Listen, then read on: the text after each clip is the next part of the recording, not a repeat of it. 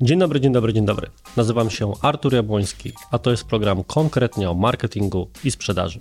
Jestem konsultantem, edukatorem i właścicielem firmy konsultingowej oraz agencji marketingowej Digitalk. Pomagamy firmom sprzedawać więcej, promować się lepiej oraz poukładać swoje organizacje. W programie raz na tydzień dzielę się wiedzą i doświadczeniem na temat prowadzenia i promowania biznesu, zwiększania sprzedaży i skutecznego marketingu, bazując na przykładach z własnej codziennej pracy, projektach mojego zespołu, a czasami również zaproszonych gości. Jeżeli chcesz rozwinąć swoją firmę, wdrażając skuteczne i konkretne działania marketingowe i sprzedażowe, ten program jest dla Ciebie.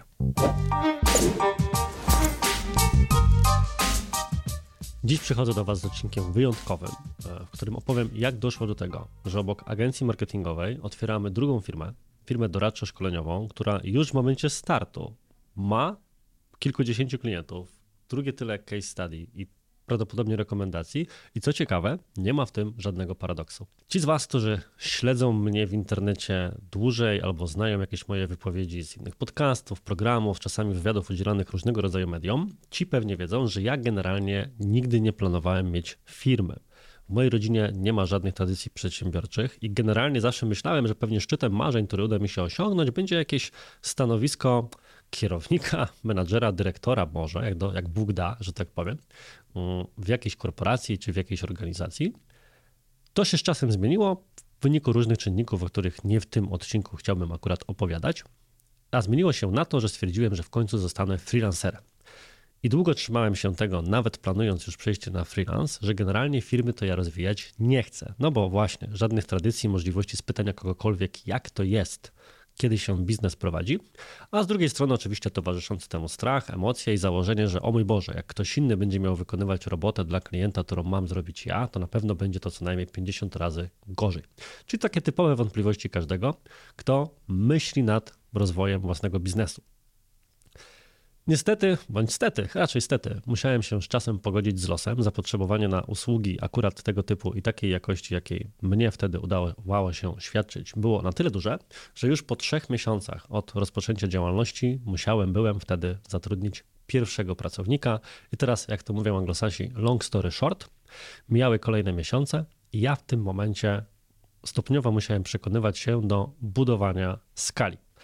I to był taki moment, gdzie w ogóle w firmie w charakterze dowcipu i w mediach społecznościowych wokół naszej organizacji skupionych funkcjonowało takie powiedzenie nie skalujemy się. I to nieskalowanie się wynikało znów ponownie z różnego rodzaju moich lęków, że kurczę, jaki jest mój próg wyporności, bycia w stanie zapanowania nad swoją własną organizacją. Pięć osób, o Jezu, jak to jest dużo mieć zespół pięcioosobowy, pięcioosobową firmę. Dziesięć osób, nie damy rady. Dwadzieścia, tyle wynosi limit darmowego Slacka. To nie możemy mieć ani jednej osoby więcej, bo trzeba będzie płacić i to ile pieniędzy za takie narzędzie, oczywiście mówiąc e, na to pół żartem. I oczywiście Finalnie stało się tak, że jedyną osobą, która wierzyła w to, że nie skalujemy się, byłem ja sam, bo wszystkie osoby kluczowe skupione wtedy wokół organizacji wiedziały, że generalnie nasze czyny przeczą moim słowom. A wynikało to z faktu, że realizowaliśmy coraz więcej rzeczy na coraz to wyższym poziomie, na coraz to szerszym zakresie usług, a w związku z tym potrzebowaliśmy rekrutować coraz to nowsze talenty. I można by było wręcz nawet stwierdzić żartobliwie, że dzisiaj tym hashtagiem naszym to nie jest nie skalujemy się, tylko hej, skalujemy się, pogodziliśmy się od tej strony z losem. I skala, do której nas to w tej chwili doprowadziło, jest to, że w momencie, w którym nagrywam te słowa, biorąc pod uwagę toczące, kończące się rekrutacje w tle, jest nas przeszło 50 osób i tworzymy biznes, który generuje rocznie dobre, zdrowe ponad 10 milionów przychodu na zdrowej marży i rośniemy tak kilkadziesiąt procent rok do roku, regularnie od kilku lat. I to jest punkt, do którego udało nam się przez te sześć, zdaje się, lat rozwoju Digitoka. Jestem strasznie słaby w taką analizę historyczną i umiejscowienie czegoś dosłownie w datach, mm, do którego udało nam się dojść. Ktoś powie, że to mało, dla mnie tak naprawdę jest to dużo i uważam, że generalnie na tle rynku, jeżeli chodzi o biznes usługowy, całkiem sporo. Szczególnie w niszy, którą są usługi agencji marketingowej, bo dla tych z Was, którzy albo z tego świata są, albo tym światem mogą się potencjalnie interesować, to spieszę z takim uzupełnieniem, że większość firm w tej branży, wedle dostępnych badań i raportów, można ich poszukać, takich wyników nie osiąga, nawet generuje kilkakrotnie niższe. A natomiast te, które mają te wyniki, na przykład idące już dziesiątki milionów, bardzo często mają je albo na bardzo małej, będącej ułamkiem naszej marży, albo pompują sobie te wyniki sztucznie, i to trzeba powiedzieć wprost, dokładając do tychże budżety swoich klientów. Jest bowiem taką pewną metodą działalności w tej branży, jedną z dwóch dostępnych, że albo robi się to tak jak my, czyli to budżet e, idący na działania reklamowe wychodzi bezpośrednio od klienta z jego przysłowiowej karty płatniczej, albo fakturuje się to na siebie, przez co podbija się oczywiście wartość spółki, przynajmniej od tej strony przychodu, i potem się okazuje, że jest biznes, który ma 70 milionów, czy 100 milionów, czy ileś. Gdybyśmy my mieli wszystkie budżety, które w ramach kampanii facebookowych, google'owych, linkedinowych, pinterestowych i tak dalej na kilkunastu rynkach dla swoich klientów przepuszczamy, to myślę, że spokojnie moglibyśmy jedno, zero dopisać, a jeszcze i cyfrę z przodu trzeba by było zmienić, ale to nie o to chodzi, żeby malować trawę na zielono, czy tworzyć, jak to się ładnie mówi, wioskę potiomkinowską. Jak kogoś historia interesuje, to polecam sobie te hasło reklamowe sprawić. I teraz, dlaczego o tym mówię dalej? Ponieważ droga do takich wyników była bardzo ciekawa i kilkakrotnie wymagała redefinicji samych siebie przez nas samych. Można by tak powiedzieć, że koncept tego, czym ma być Digitalk, zmieniał się kilkakrotnie. Na samym początku, kiedy jak już to powiedziałem, pogodziłem się z losem, że nie może to być jednoosobowa działalność i zaczęliśmy zatrudniać poszczególne osoby, moim marzeniem było stworzenie wyspecjalizowanego w jednej rzeczy zespołu. Czyli mieliśmy być takim komando specjalnym, którego całym obszarem działalności czy specjalizacji będą reklamy na Facebooku. Było to coś, z czego się w tamtym okresie wywodziłem, a raczej czym się akurat w tamtym okresie szczególnie pasjonowałem.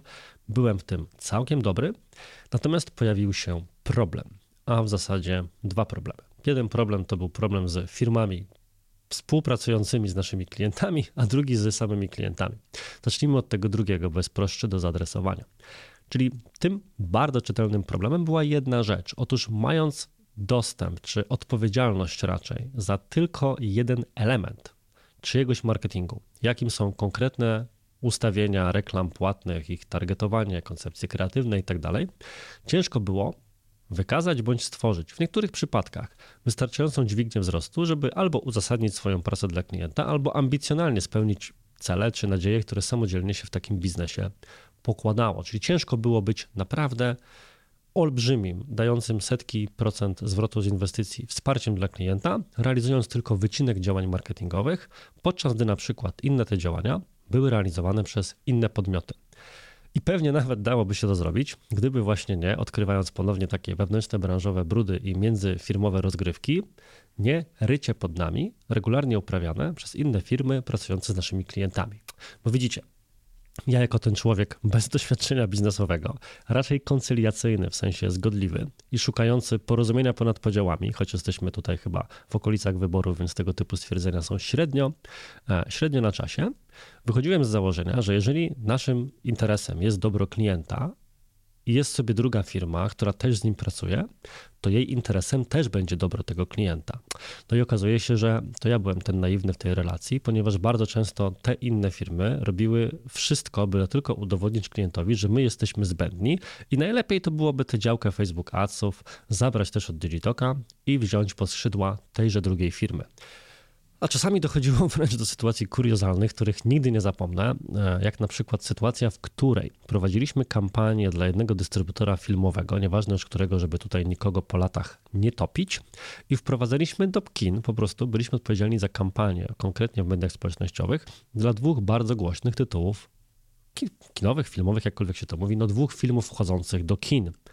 I wyobraźcie sobie moje zdziwienie, kiedy okazało się, że firma przekazała właśnie pracę nad tymi dwoma tytułami, akurat mojej skromnej, kilkuosobowej raptem wówczas organizacji. I w ramach współpracy na samym początku mieliśmy dostać dostęp do kont reklamowych, taka standardowa procedura przy przejmowaniu tego typu projektów, ale nie mogliśmy tego zrobić. I klient nie mógł nam tego dać, ponieważ, uwaga, to jest cytat z tamtych czasów, ta druga firma strzeliła focha.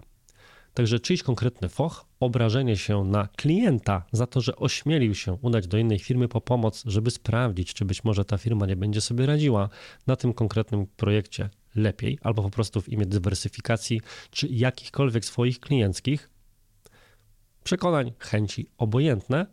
No nie, czyjś foch był ważniejszy.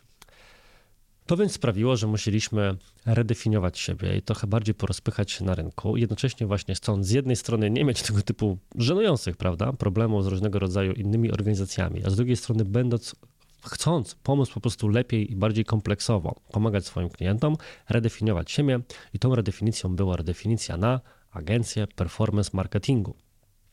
Założeniem było więc bardzo proste. My jako Digitalk będziemy odpowiadali za wszystko, co w internecie płatne.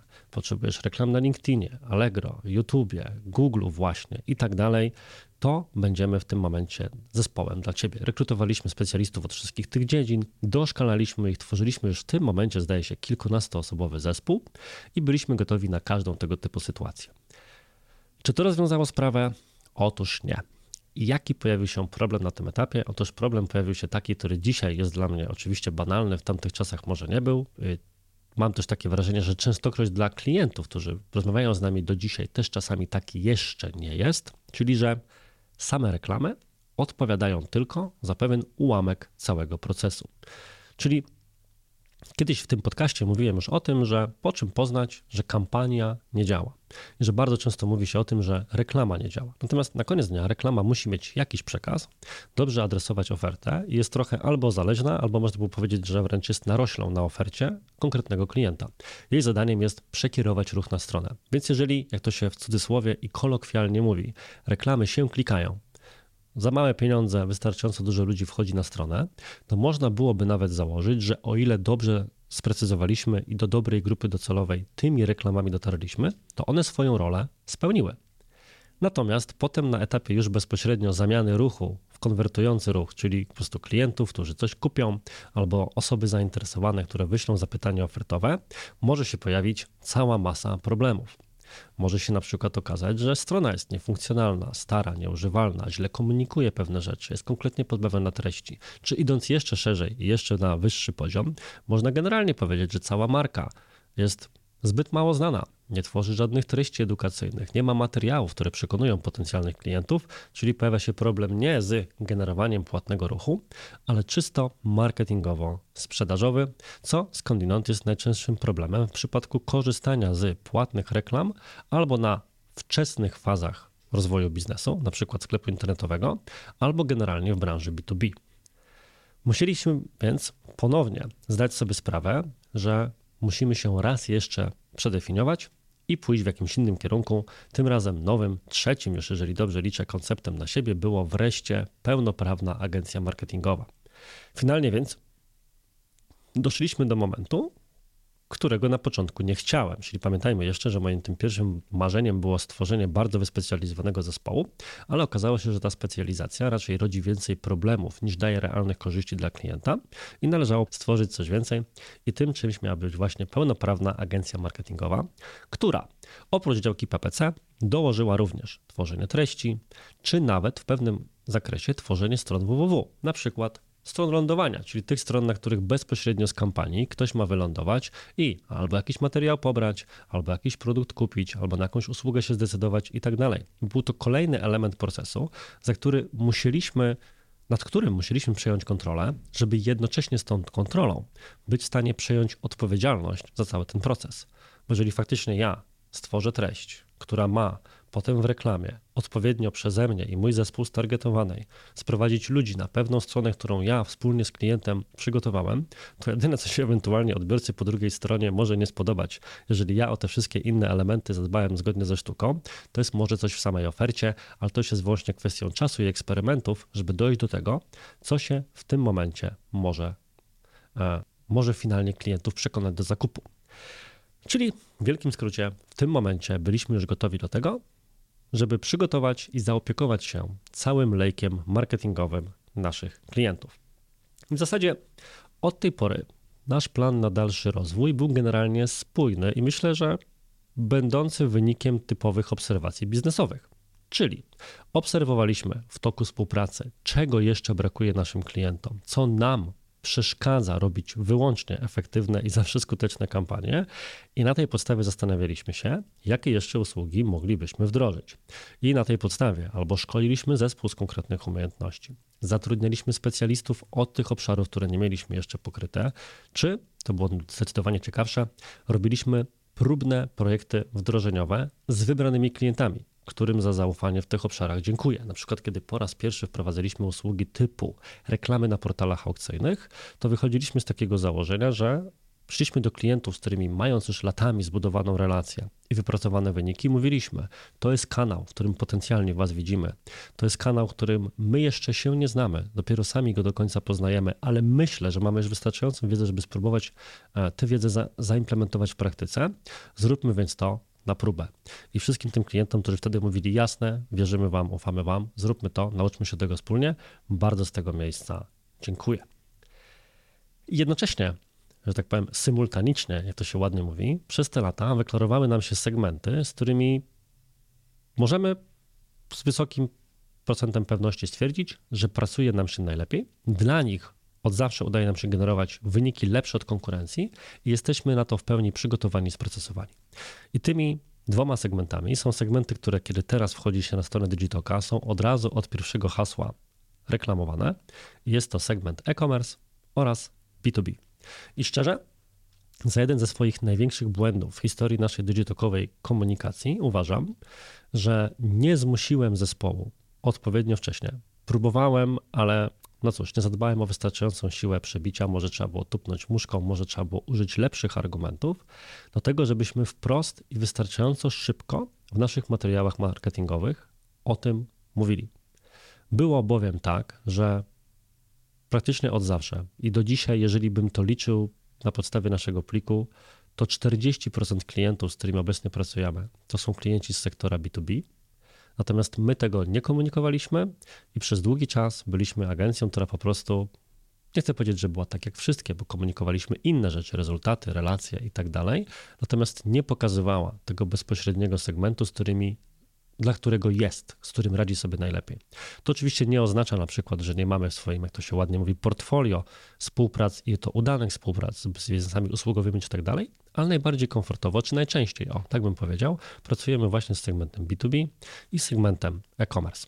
Natomiast moje liczne e, błędy to temat na zupełnie inną okazję. Jeżeli bylibyście chętni o tym też posłuchać, tak z perspektywy case study budowania, e, budowania firmy, to jak najbardziej dajcie znać w komentarzach, czy gdziekolwiek indziej. Ja taki odcinek też ochoczo przygotuję.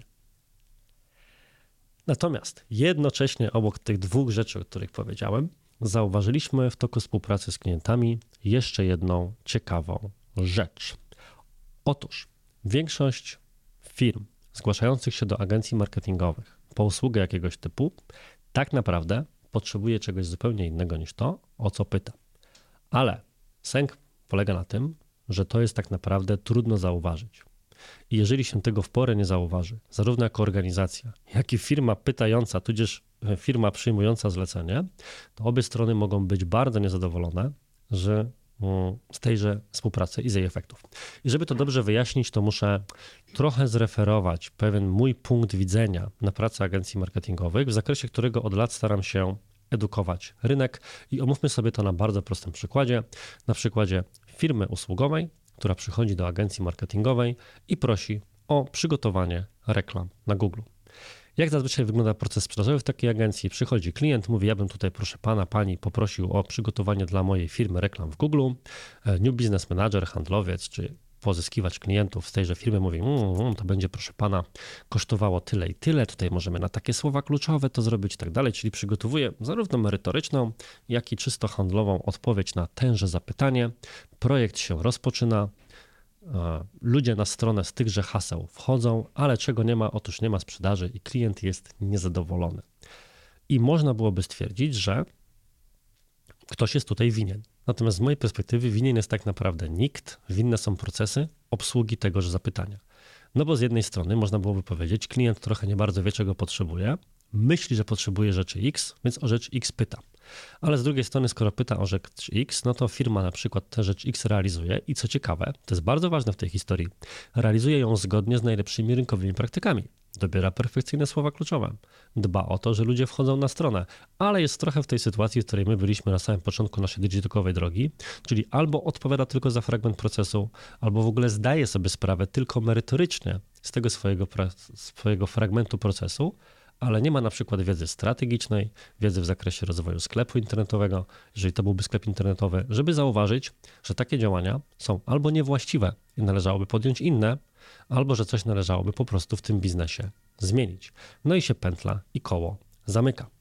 To jest taki scenariusz powiedzmy dramatyczny. Natomiast jest jeszcze drugi, mniej dramatyczny, a zdecydowanie bardziej typowy. Otóż może po prostu być tak. I tak jest najczęściej, że klienci przychodzący do agencji marketingowych traktują usługę marketingowej na poły doradczo. Czyli nasi specjaliści od poszczególnych systemów reklamowych regularnie pracują z klientami w charakterze konsultacyjnym i to nas jako Digitoka od zawsze wyróżnia, że my nie tylko rozmawiamy o tym, jakie są wyniki reklam, czy jakie słowa kluczowe ustawić i co z nich wynika, ale na przykład jesteśmy w stanie część zespołu, bądź po prostu zespół wymieniając się, podpowiadać w zakresie czy takiej zmian na stronie, czy pewnych optymalizacji w zakresie kategorii produktowych, czyli takich wiedzy, która jest bliższa na przykład rozwojowi firmy usługowej, rozwojowi firmy B2B, czy specjalizacji w zakresie bycia menadżerem e-commerce i tak dalej. I tak to tak naprawdę wygląda, że klient przychodzi w teorii po usługę X, ale tak naprawdę potrzebuje tego wsparcia dużo szerszego, intuicyjnie nawet to czuje, ale nie do końca być może po drugiej stronie większości organizacji ma na to przestrzeń, albo nie każdy specjalista, z którym się pracuje, taką wiedzę ma. My to rozwiązywaliśmy, po prostu stawiając na multidyscyplinarność zespołu. Nasi specjaliści nie pracują jak w innych paraagencjach, bo ciężko nazwać to inaczej, na 50 i więcej projektach jednocześnie, bo taki czas pracy specjalisty na projekt to można by wówczas w roboczych minutach e, mierzyć, bo nie dałoby się z tego nawet jednej godziny skleić. U nas się pracuje na dziesięciu, kilkunastu projektach maksymalnie i to nie samodzielnie, ale w ramach zespołu, których każdy odpowiada za jakiś skrawek e, informacji i projektu i to wszystko się wzajemnie uzupełnia plus inwestujemy w wiedzę organizacyjną. U nas mamy mnóstwo procedur dzielenia się wiedzą wewnątrz organizacji, od wspólnych szkoleń po spotkania i tak dalej. Był nawet kiedyś o tym odcinek i tak sobie teraz zdałem sprawę, że chyba muszę nagrać jego aktualizację, bo od tego czasu sporo, sporo zmieniło się na jeszcze lepsze, a w punkcie wyjścia było dobre, bo dzielenie się wiedzą wewnątrz organizacji to jest kolejny temat na osobny wątek, bo bardzo mocno zaniedbywany bardzo często w organizacjach. Więc wychodząc z tego założenia, że właśnie albo projekt może się nie udać z uwagi na niedopasowanie specjalizacji firmy, tudzież specjalizacji konkretnej osoby do projektu, albo jest po prostu taki, to jest ten częstszy scenariusz, że klient w teorii płaci za i myśli, że potrzebuje X, ale tak naprawdę potrzebuje co najmniej X, Y, Z i nie są to bynajmniej po prostu usługi komplementarne w typu reklama tu, reklama tam, ale raczej jeszcze pewien aspekt wiedzowy szerszy niż tylko specjalistyczna wiedza w zakresie obsługi systemu reklamowego jednego bądź drugiego, stwierdziliśmy, że potrzebujemy wprowadzić nową usługę do naszej organizacji. I tak doszliśmy do tego, żeby stworzyć zespół, który został nazwany działem Excellence. Stąd ta, skąd ta nazwa? Po pierwsze, bo brzmi fajnie, ale tak naprawdę na poważnie, ponieważ były dwa cele, które stawialiśmy sobie przed tym zespołem. Po pierwsze, miał to być zespół, który dla firm zgłaszających się do nas z rynku będzie świadczył właśnie usługi doradcze, ponieważ z takich osób, konsultantów, doradców, specjalistów wysokiej klasy, będzie się składał. Z drugiej jednak miał to być też zespół, który pomoże nam dokładnie w tych samych obszarach rozwijać organizację wewnątrz ponieważ to właśnie Excellence pomagało wspólnie z zespołem menadżerów wprowadzać nowe usługi. Pomagało tym, że e, przy opracowywaniu procedur pracy nad tymi nowymi usługami, testowaniu ich, czy prowadziło i do dzisiaj prowadzi jako zespół audyty wewnętrzne, czy nawet wewnętrzne testy tajemniczego klienta. Wszystko po to, żeby dbać o jak najwyższą jakość usług świadczonych nie tylko dla tych klientów, z którymi Excellence bezpośrednio pracuje, ale także dla tych, którzy pracują w innych zespołach z innymi specjalistami i pomóc podciągać cały czas. Wyniki, myśl takim spojrzeniem z boku. Każdy, kto pracuje w agencji bądź na kilku projektach jednocześnie, wie, że idzie się zakopać i czasami potrzebny jest po prostu ktoś, kto zobaczy z zewnątrz rzeczy, które z zewnątrz będą się wydawały oczywiste, ale jak się kręci człowiek w kółku, to tego kółka z czasem już nawet nie dostrzega. I przyznam, że ten dział od samego powstania mm, był trochę moim oczkiem w głowie. Gdzieś tam intuicyjnie, podskórnie czułem, że jest to rzecz bardzo, bardzo potrzebna. Przez jakiś czas nawet sam go prowadziłem, aż, aż z czasem przekazałem go e, osobom, osobie, którą możecie znać z innych odcinków tego podcastu, czy różnego rodzaju inicjatyw edukacyjnych, które wspólnie podejmujemy, czyli Mateuszowi Machulskiemu. I tutaj, mimo że nie miał to być odcinek o błędach, to po prostu muszę po prostu muszę się przyznać do kolejnego fuck-upu, który uważam za chyba największy w historii Digitoka. Z mojej przynajmniej perspektywy oczywiście, czyli tego, że my, mając taki dział, nigdy dobrze nie zakomunikowaliśmy tego światu i nigdy dobrze nie poświęciliśmy czasu na to, żeby to zrobić. Ponieważ szczerze, jako osoba, która bardzo często jest zresztą wynajmowana przez inne, kilkakrotnie nawet większe agencje do tego, żeby pomóc im układać pewne obszary od wewnątrz w zakresie czy sprzedaży, czy marketingu, czy jakichś celowanych rzeczy typu reklama na Facebooku, nie spotkałem się jeszcze z firmą, która miałaby wytworzony wewnętrznie, wyłącznie dział skupiony na optymalizacji procesów wewnętrznych, kontroli jakości innej niż tylko ta prowadzona przez tak zwanego team leadera czy menadżera jednego zespołu. I do tego prowadziła właśnie taką wewnętrzną działalność konsultancką. Jak to się ładnie i modnie mówi, była to duża wartość dodana, czy jest to olbrzymia przewaga konkurencyjna naszej organizacji, a myśmy trochę to traktowali jako stan zastany, jako coś, co pojawiało się w rozmowach, kiedy klienci z nami pracowali, pojawiało się czasami na rozmowach sprzedażowych, ale w zasadzie, kiedy zaczynałem o tym rozmawiać z ludźmi, na przykład na konferencjach, to byli wielce zdziwieni, że taki dział istnieje. Pomimo tego, że opisany był na stronie, to zbyt rzadko biliśmy w ten bęben, a powinniśmy byli ciągle. A kiedy ten dział powstał? Żeby też Wam dać takie poczucie, ile się w ogóle pracuje nad wdrożeniem tak dużej zmiany w życie organizacji, abstrahując oczywiście od czysto rekrutacyjnych procesów, bo część to były awanse wewnętrzne, czyli takie przejścia z działu do działu, a część to były rekrutacje zewnętrzne uzupełniające dział Excellence o niezbędne umiejętności, to z tego, co mi się udało ustalić, trochę ze swojej pamięci, a trochę z różnego rodzaju dokumentów projektowych, to pomysł powstania działu Excellence wykrystalizował się mniej więcej we wrześniu 2021, więc stosunkowo dawno, a dział zaczął funkcjonować gdzieś w okolicach lutego-marca. Czyli w marcu 2022 można byłoby tak historycznie stwierdzić, oficjalnie rozpoczęliśmy działania pod tym sztandarem wewnątrz organizacji, więc mija już mniej więcej półtorej roku, odkąd on istnieje. E, działa prężnie, natomiast być może myślę, słuchając tego odcinka, nawet jeżeli jesteś osobą, która nam kibicujesz, kibicuje, za co bardzo dziękuję, to może teraz po raz pierwszy tak naprawdę słyszysz, poza sytuacjami, w której Mateusz przedstawiał się jako gość w odcinkach, jako szef działu Excellence, że taki dział w ogóle istnieje i mogłeś nie wiedzieć, za co odpowiada. I kiedy ten dział powstawał? I tak jak wspomniałem, jedną z jego głównych ról było to, żeby zacząć prowadzić konsultacje wewnętrzne, ale również zewnętrzne, to pamiętam, że siadaliśmy sobie wtedy za gatą i wyznaczyliśmy sobie taki cel, że w perspektywie mniej więcej roku chcielibyśmy, żeby ten dział i generalnie usługi konsultingowe, tudzież usługi realizowane przez dział Excellence odpowiadały za około 1 piątą przychodów firmy. Wtedy uznamy, że faktycznie udało nam się zbudować taką linię biznesową. I to, co mogę teraz powiedzieć, to że ten cel jak najbardziej udało się spełnić, natomiast gdy go wtedy wyznaczałem, wyznaczaliśmy, nie do końca sobie zdawaliśmy sprawę z tego, do czego nas to finalnie doprowadzi. Gdyż bowiem, i tu dochodzimy do tego, co zostało zapowiedziane we w samym wstępie tego odcinka i jednocześnie mm, w samym jego tytule. Dziś dział Excellence zostaje oficjalnie wydzielony jako osobny podmiot i mogę wreszcie po prostu w miesiącach siedzenia na tej informacji, a jestem strasznie kiepski w ukrywaniu czegokolwiek i zawsze mnie to wewnętrznie boli, mogę powiedzieć, że dział Excellence zostaje wydzielony jako nowy podmiot i staje się Suasio, firmą doradczą, która firmą B2B i firmą z obszaru e-commerce będzie pomagać i już pomaga zaplanować, poukładać i oprocesować marketing oraz sprzedaż. Uff, Teraz powinniśmy wstawić jakieś, gdybym był lepszy w montażu, albo poprosił ekipę, wiecie, jakieś werble, fajerwerki i tym podobne inne żenujące YouTube'owe, marketingowo, e, montażowe chwyty, ale chyba sobie odpuścimy. I powiem coś zupełnie innego, co może nawet trochę przekuje ten balonik, który właśnie sam sobie napompowałem, że fakt, że robimy to dopiero teraz, uważam za kolejny, już trzeci, który mogę wymienić podczas tego odcinka, ze swoich największych błędów. A w zasadzie rzeczy, które nawet możemy sobie tutaj w komentarzach poddać pod dyskusję, czy błędem są, czy nie. Ja zależy od dnia i od tego, jak się obudzę. Albo to uważam za najlepszą rzecz, jaką robimy, że dopiero teraz to robimy, albo najgłupszą rzecz, że, że jaką zrobiliśmy zagatą, że dopiero teraz to odpalamy. O co bowiem chodzi? Bardzo długo e, wierzyłem i cały czas propagowałem tę wiedzę na całą organizację, że rozwój Digitalk powinien wyglądać właśnie w ten sposób, jak do pewnego momentu wyglądał i o czym już mówiłem, czyli że rozwijamy się o kolejne wprowadzane przez nas usługi na podstawie analizy tego, czego nasi klienci potrzebują, poszukiwania ekspertów w rynku, kształcenia osób itd., tak itd., tak czyli zdrowo. E, I wydawało mi się to właściwe, mimo że jak teraz sobie tak patrzę wstecz, czytując Józefa Czapskiego, to rynek dawał mi, nam sygnały, że jest to problem, tylko że ja na te sygnały byłem odporny. Bo widzicie, na czym mogę to podać?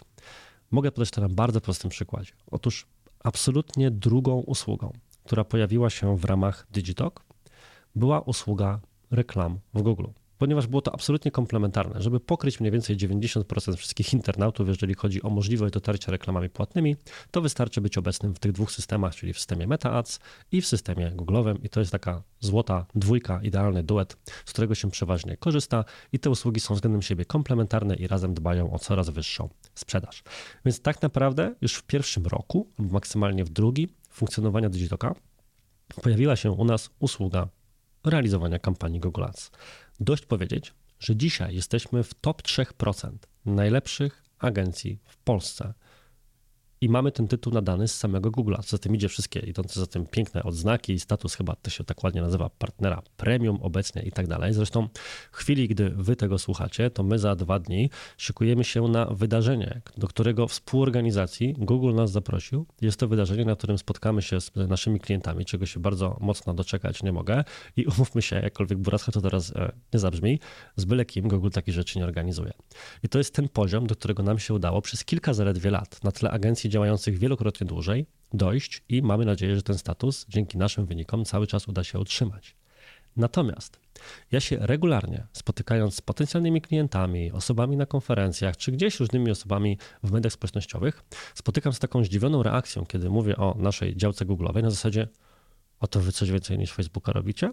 A gdzie tu jeszcze byłoby wspomnieć w ogóle o tym, że my tworzymy treści od e-booków po media społecznościowe, czy że robimy kampanię w każdym innym ekosystemie, że jesteśmy jedną z pierwszych firm w Polsce, która miała w ogóle status partnera TikToka, że tak naprawdę obecna moda na Pinteresta w Polsce i znów czasami się za mało chwalimy, więc tym razem się pochwalę, trochę my jesteśmy za nią odpowiedzialni, bo to my daliśmy szansę temu systemowi w momencie, w którym za bardzo nikt o nim nie mówił i wszyscy szli w kierunku tych pozornie e, modniejszych, a w kampanie pinterestowe sprzedażowe nikt tak naprawdę nie wierzył. Myśmy o tym zaczęli pisać, realizować kampanię z klientami i tak dalej. I skąd taki stan rzeczy? I tutaj cóż, tutaj muszę chyba stanąć w prawdzie i poruszyć, tudzież wrócić do wątków, które kiedyś już poruszałem w odcinku pod, jeżeli dobrze pamiętam, tytułem Marka osobista to pułapka i że Problemem w tym wypadku jestem ja. Teraz pewnie cały mój zespół, jeśli tego słucha, wybucha śmiechem, bo to, to się do tego, często do tego sprowadza, że to na pewno Artur jest problemem.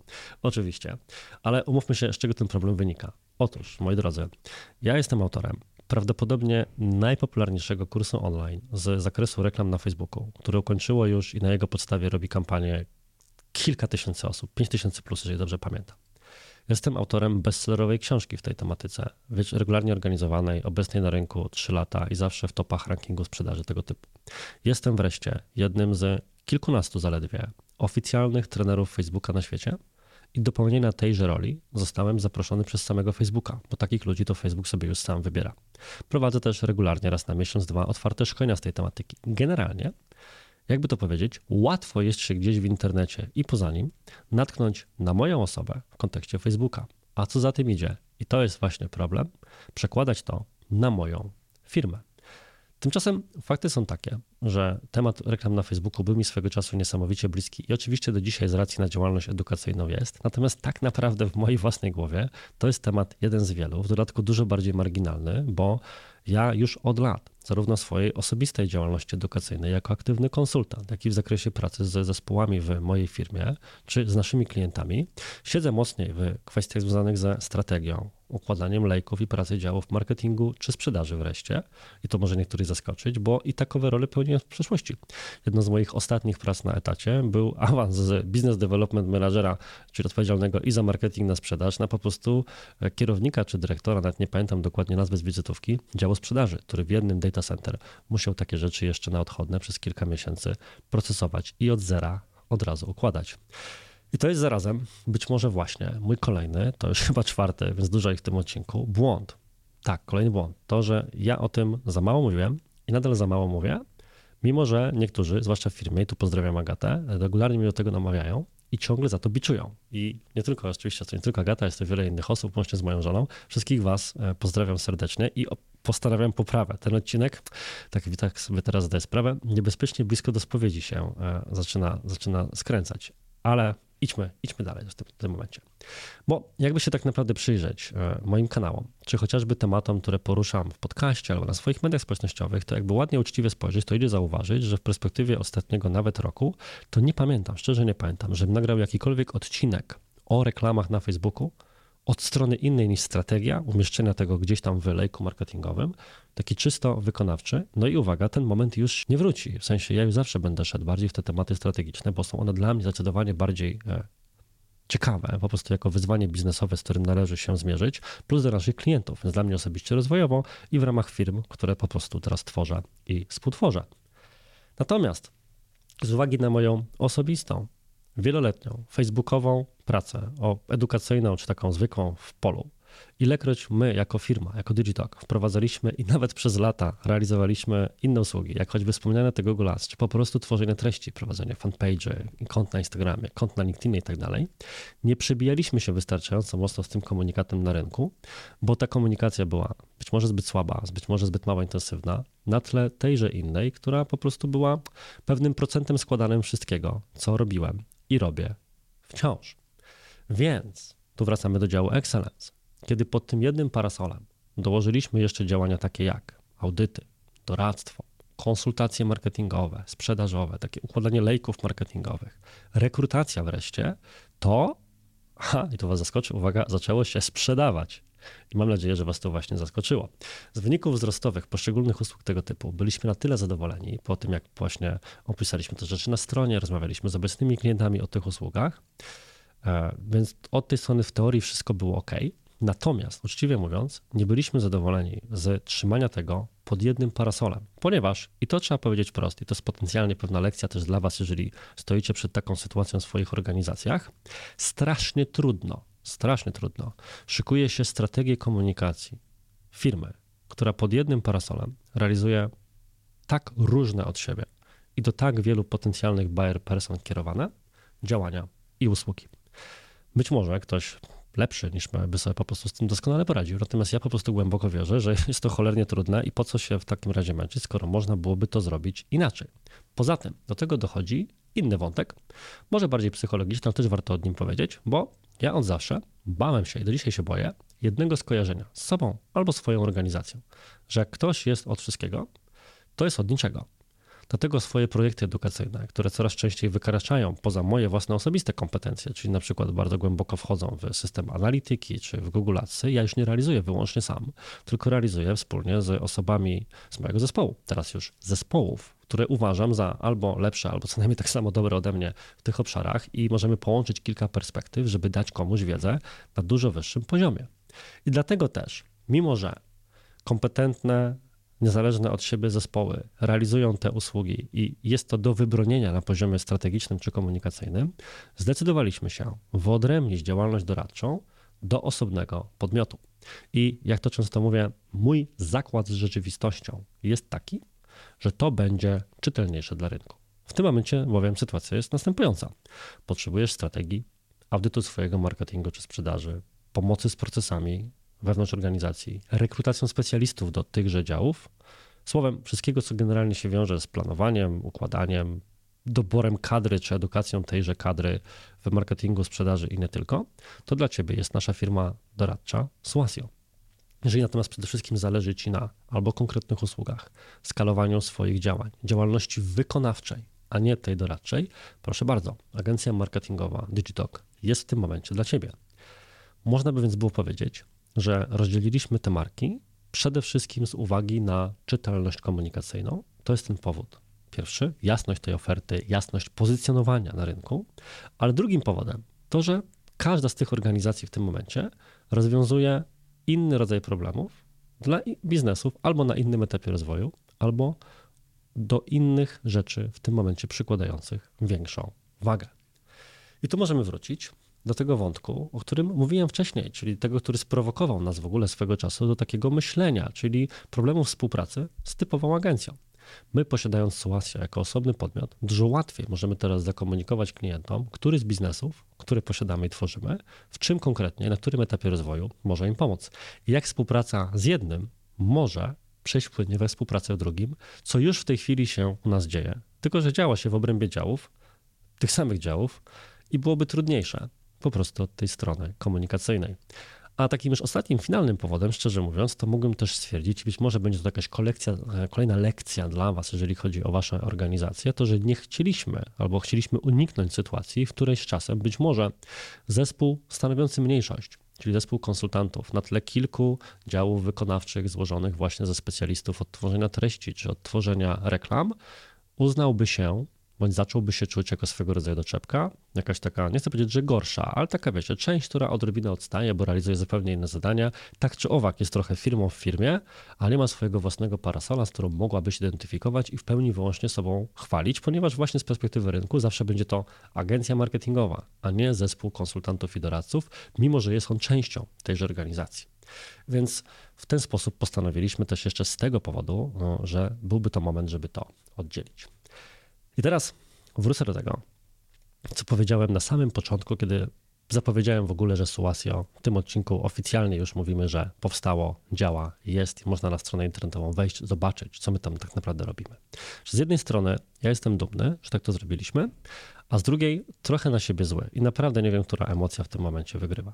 Gdyż ponieważ już jako Suasio, mimo że dopiero teraz świat nas poznaje, mamy na koncie kilkadziesiąt projektów, Mamy zebranych masę rekomendacji, są już na stronie. Mamy zebranych i realizowanych jeszcze z czasów Digitalk, albo właśnie już dostępnych na stronie Suasio. Kilkanaście co najmniej i drugie tyle w produkcji. Case studies z udanych współprac. I w dniu premiery możemy odpalić stronę internetową i wystartować z nimi wszystkimi od razu i pokazać swoje kompetencje. Co więcej, jak sobie teraz chyba dopiero nagrywając ten odcinek e, uświadomiłem, to jest drugi raz, kiedy tak robimy bo tak samo było z Digitokiem. Digitok własnej strony internetowej dorobił się chyba po roku działalności i też wystartował z pełną pompą wszystkimi usługami, case'ami, rekomendacjami. Więc dwa razy dokładnie to samo. Mamy w pełni zrekrutowany zespół na każdy z obszarów, który robimy, kolejne rekrutacje w toku i generalnie kluczowe stanowiska i obszary tak naprawdę pokryte. Mamy ułożoną pracę i generalnie przychodząc do nas oddajesz projekt ustawione z góry ręcznie. Więc finalnie można by było stwierdzić, że wszystko jest jak najbardziej ok. Natomiast Myślę, że należało powiedzieć o tym rynkowi wcześniej, a nie czekać, tak czekać, czekać, czekać, że będziemy stuprocentowo pewni, że już naprawdę nikt nas niczym nie może zaskoczyć i jesteśmy wystarczająco dobrzy. Bo jakbym miał wskazać kolejny, piąty błąd, mój, ale taki, który niestety ekstrapoluje się na całą firmę, to jest to, jakkolwiek to zabrzmi strasznie buracko teraz na tym tle, zbyt duża skromność w chwaleniu się swoimi działaniami. Ale żeby to udowodnić, czy osadzić w pewnym kontekście, to pozwólcie, że opowiem Wam o historii usługi, której finalnie nie realizujemy, a moglibyśmy. Jest to usługa audytów UX. Otóż, kiedy mówiłem o tym, że zdrowo biznesowo patrzyliśmy, czego brakuje naszym klientom i na tej podstawie próbowaliśmy znaleźć kogoś, kto mógłby te obszary pokryć, no to zawsze szukamy sobie albo jakichś organizacji partnerskich, e, albo po prostu szukamy kogoś, kogo możemy do zespołu z danymi kompetencjami zrekrutować. No, żadna czarna magia, tak to właśnie w biznesie działa. I swego czasu zdiagnozowaliśmy, że sklepy internetowe, pomimo dobrze ustawionych kampanii płatnych, nie mają sprzedaży na odpowiednio wysokim poziomie, gdyż ponieważ mm, jakby to powiedzieć, no UX, czyli User Experience, czyli generalnie taka przyjemność korzystania, jakbyśmy mogli chyba ładnie po polsku powiedzieć, z ich sklepu trochę odstaje od średniej rynkowej. I żeby móc to nie tylko powiedzieć, że no coś tu jest nie halo, ale być w stanie wskazać, co konkretnie, zbadać to odpowiednimi narzędziami i coś zasugerować, postanowiliśmy rozszerzyć i wprowadzić taką ofertę u nas. No ale nie będziemy przecież robili czegoś i sprzedawali, jak tego realnie nie mamy. Więc najpierw zatrudniliśmy sobie e, osobę do tego, Adama, którego gorąco polecam i nie był to byle kto, ponieważ my Adama wyciągnęliśmy jako osobę, która była wówczas UX-owcem w Gruponie. Adam był chyba pierwszą albo drugą osobą, która pracowała dla Digitalk, mieszkając realnie w innym kraju, ponieważ mieszkał i do dzisiaj zresztą mieszka e, pod Londynem. Adam więc mając doświadczenie z Groupona i innych tego typu organizacji, wchodził do nas na stanowisko UX-owca i Następnie realizował coś, co dla nas zawsze było pewnym modus operandi, czyli przykładowe audyty dla części naszych klientów. I tak jak mówiłem właśnie wcześniej o tym zaufaniu, którymi klienci wieloletni często nas obdarzają, to my odezwaliśmy się do wybranych klientów, powiedzieliśmy tak, słuchajcie, my jeszcze w te klocki jacyś super nie jesteśmy, jest to dla nas nowa rzecz, pewne rzeczy wiemy, ale pewne testujemy i chcielibyśmy tutaj z wami taki projekt, nazwijmy to po kosztach, żeby nie zdradzać szczegółów, e, dograć. W zamian będziecie mieli właśnie taki UX-owy audyt, naszym zdaniem pewnie nawet e, dobry, natomiast też potrzebujemy od was nie tylko wtedy, że tak powiem, raportu, co się zmieniło, ale też pewnego takiego feedbacku dotyczącego samej usługi i tak dalej. No, generalnie tak sobie wyobrażam proces testowania nowych rozwiązań biznesowych. I tutaj muszę się przyznać, że te projekty wyszły. Klienci z tych raportów byli zadowoleni, zmiany na stronie e, były skuteczne, natomiast hamulcowym, e, brzydko teraz to po latach powiedzieć, byłem ja, ponieważ ja przyglądawszy się tym audytom UX, to bardzo ignoranckie było, ponieważ na tym się nie znałem, stwierdziłem, że to powinno być jeszcze lepsze. To nie jest wystarczający poziom. W sensie to nie jest poziom wymagany, żebym ja mógł się podpisać pod tym, że my coś takiego będziemy sprzedawać. I finalnie, żeśmy się z tą usługą nie przewili, w sensie po prostu nie wdrożyliśmy jej. Pomimo, że zrobiliśmy tych audytów pod 10, to wycofaliśmy to z oferty, postanowiliśmy tego nie komunikować i projekt się rozszedł po kościach, z Adamem w dobrych relacjach e, się rozstaliśmy i tyle. No i do dzisiaj tej usługi nie mamy, raczej teraz jest to punktowo realizowane, idąc przez to wiedzą poszczególnych specjalistów, którzy w tym zakresie się dokształcają, ale nie jest to nigdzie opisane u nas na stronie. Tymczasem potem, i dlatego o tym mówię, miałem okazję przy okazji różnych projektów konsultacyjnych, doradczych, też także, tym także tych, które prowadzę osobiście, położyć łapę na różnego rodzaju audytach UX sprzedawanych za naprawdę ciężkie pieniądze. I jakkolwiek może brutalnie to zabrzmi, no bo nie jestem w stanie tych dwóch dokumentów w PDF-ie wyłożyć jeden na drugi, no to to było straszne gówno. W sensie to, co zrobił Adam na tym tle, co dla mnie się wydawało niewystarczające, było o dwie, trzy klasy wyżej niż rzeczy sprzedawane bezczelnie przez firmy innego typu za ciężkie pieniądze. I zawsze jak coś takiego widzę, to właśnie mam takie dwa brzydkie konkurencyjne poczucia.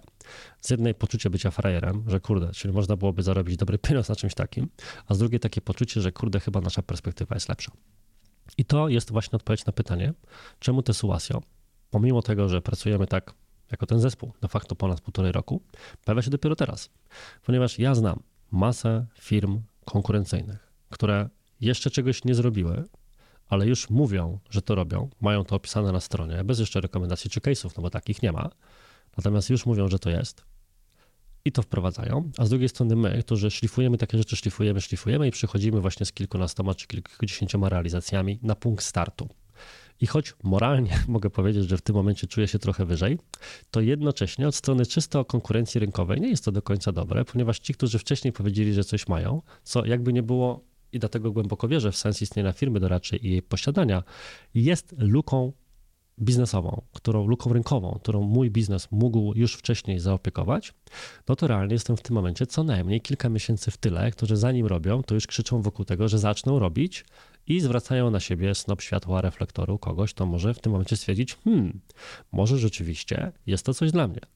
A ja przez tych ostatnich e, rok z hakiem tak naprawdę obserwowałem wysyp firm doradczych, bo nie jest łatwo takową sobie założyć i mówić, że się ją ma. Agencje, inicjatyw różnej maści, które właśnie ledwo zrobiły projekt dwa w jakimś obszarze. Finansowo pewnie jest to jeszcze pod wodą albo ledwo nad kreską, ale już wiecie, ładny branding, właśnie strona, trochę szumu w social mediach, pompa na otwarciu i wydaje się, że nie wiadomo, czym coś takiego jest. A u nas zawsze projekt za projektem, ale poczucie, że e, jeszcze nie teraz, jeszcze tego za mało. Więc tak, trochę do Was, a trochę w formie też samego, do samego siebie, bo do tego nagrania, z uwagi na jego szczerość i otwartość, myślę, będę sobie nawet sam autorefleksyjnie wielokrotnie wracał, mm, czy nawet sentymentalnie, to na swoim przykładzie pozwolę sobie powiedzieć odwagi. Nie czekajcie, w sensie konfrontujcie idee, które macie z rynkiem. Być może to, co macie już teraz, jest wystarczająco dobre, nie chodzi o to, żeby właśnie robić jakieś dziwne fake it till you make it, czyli z punktu zero startować, krzyczeć, się ma. Nie o to chodzi. Ale jeżeli macie już za sobą ileś takich udanych projektów, to tak jak ja, kiedy przechodziłem z tego finansu, zrobiłem to zbyt późno. Potem ogłoszenie Digitoka i zbyt późno pokazaliśmy światu, że istniejemy, coś robimy, mając już sześciosobowy zespół na pokładzie, a działaliśmy po prostu od zaplecza i bez strony. Czy teraz właśnie w momencie, w którym zagatą otwieramy Suasio, być może jest, istnieje gdzieś ta droga środka między osobami, które ewidentnie nadużywają, mówiąc najdelikatniej, jak jest to możliwe, mm, zaufania rynku, a tą drogą, którą prezentujemy my, będącą przegięciem w drugą stronę, czyli takim zwlekaniem do ostatniego momentu i absolutnej pewności, że to jest ten moment, no bo taki moment nigdy nie nadejdzie. Idźcie za ciosem po prostu.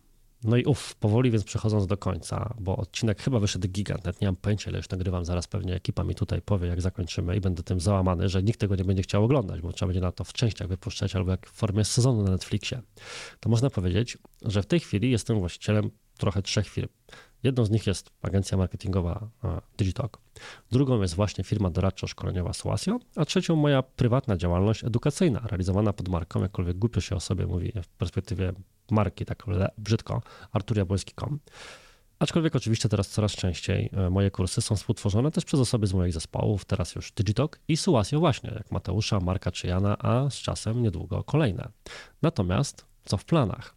W planach są kolejne inicjatywy tego typu. Oficjalnie czas, by się wreszcie zacząć tytułować, bo do tego się to sprowadza, tak naprawdę grupą, tylko nazwy jeszcze nie mamy. I w tym kontekście, żeby zakończyć na odrobinę luźniejszej i humorystycznej nucie, to mogę powiedzieć, że tą ostatnią rzeczą, która nas strasznie długo stopowała przed pokazaniem sytuacji światu, było właśnie to, że nie mieliśmy, uwaga, pomysłu na nazwę. Bo tak się to teraz modnie tworzy, gdzie nazwy w ramach grupy nawiązują wszystkie do siebie. A my, choć nazwę mamy z mojej perspektywy ładną i fajną, jestem z niej dumny, bo sam ją wymyśliłem, to jednak ciężko się z niej robi jakieś nowe elementy. No bo jak się weźmie tutaj, zrobi DG jako ten element rzekomo wspólny, i doda tam coś innego, to wychodzą jakieś takie potworki, ale lata 90., Digi Consulting czy coś tam. A z drugiej strony na segmencie TOK nie bardzo da się zrobić cokolwiek z firmy doradczej, przynajmniej ja nie umiem, ekspertem od namingu nie jestem, a teraz już po ptokach. No bo co, Consultok brzmiałoby podobnie, ale e, nie chciałoby się takiej firmy mieć. Więc tak chodziliśmy, chodziliśmy, chodziliśmy, że wreszcie przyjdzie pan pomysł na tę właściwą nazwę, to wtedy będzie można to na rynku zrobić i otworzyć całą grupę firm. Natomiast no, finalnie stwierdziliśmy, że zrobimy to inaczej i zrobimy to z klucza brandingowego i tego, jak po prostu poszczególne strony i marki kolorystycznie z sobą grają. Dlatego właśnie Digitalk jest taki bordowy, łamany na ciemny fiolet, głęboki fiolet, ja się na kolorach nie znam, ale tak mi wszyscy graficy w firmie twierdzą, a właśnie Suasio jako firma doradcza, co zaraz możecie sobie tutaj kliknąć w linka pod odcinkiem i zobaczyć na stronie, jest już live, jest właśnie w takim jaśniejszym odcieniu fioletu, takim bardzo ładnym, bardzo mi się ten branding podoba, jestem też z niego bardzo dumny, że go w zespole wewnętrznie wypracowaliśmy, bo swoją drogą to jest też coś, co realizujemy a nawet się za bardzo tym nie chwalimy. I już coś takiego mamy. A skąd nazwa? Bo to jest pewnie pierwsze pytanie, które pojawi się pod każdym komentarzem. Skąd jakieś suasje? O co z tym chodzi? Otóż jest to pochodna z łaciny i staroangielskiego, gdzie suasio, suasion to jest generalnie doradztwo, udzielanie rad i perswazja a zmiany w zakresie zarządzania, marketingu czy sprzedaży na tym się właśnie opierają. Jest to perswazja, przekonywanie ich do swoich racji, przekonywanie na etapie procesu zakupowego, przekonanie zaufania marką, więc tam się nam to ładnie, ładnie złożyło. Co więc dalej? W najbliższych miesiącach pewnie będziecie mogli się spodziewać e, kolejnych odcinków właśnie wokół tego, jak rozwijamy zagatą Soasio, w tym nawet już w przyszłym tygodniu kolejnego odcinku, gdzie właśnie we dwójkę sobie trochę o nadziejach, planach i rzeczach związanych właśnie z rozwojem firmy doradczej porozmawiamy, skoro projekt na rynku oficjalnie wystartował. To będą zupełnie nowe wyzwania, jak na przykład prowadzenie marketingu dla osobnych kilku podmiotów jednocześnie, tym samym zgranym zespołem czy właśnie wyzwania związane z tym, jak się sprzedaje, kiedy dział sprzedaży jest wspólny dla kilku podmiotów, bo tak to u nas przynajmniej na ten moment będzie wyglądało i takimi rzeczami też będę z Wami chętnie się na bieżąco dzielił. A w całkiem niedalekiej przyszłości, bo takie plany już wspólnie mamy, kolejne projekty biznesowe i myślę, że tym razem komunikowane jest dużo szybciej. Coś czuję, że trzeci raz tego samego błędu nie popełnię. A na dziś to już wszystko.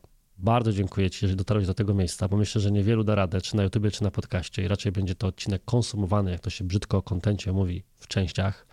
E, jeżeli jeszcze nie subskrybujesz, czy nie śledzisz tego, tego programu na bieżąco, to daj łapkę w górę, kliknij obserwuj, subskrybuj, czy cokolwiek tam się klika na platformie, którą masz. Udostępnij proszę ten odcinek w mediach społecznościowych, bo jest to chyba taki najbardziej szczery i po części intymny odcinek, który nagrałem, jeżeli chodzi o pewną drogę, którą przeszedłem, przeszliśmy jako organizacja i będą takie kolejne, a dobre reakcje na ten odcinek sprawią, że będzie mi się, mówiąc brzydko, chciało, a tak naprawdę, że będę wierzył, że ma to sens, żeby takie rzeczy nagrywać. Do usłyszenia w przyszłym tygodniu, tudzież do zobaczenia i cześć.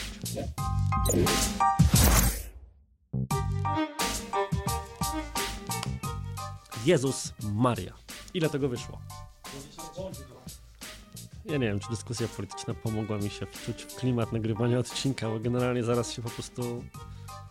Mógłbym o tym nagrać odcinek, ale to byłby, to byłby mój ostatni odcinek w karierze.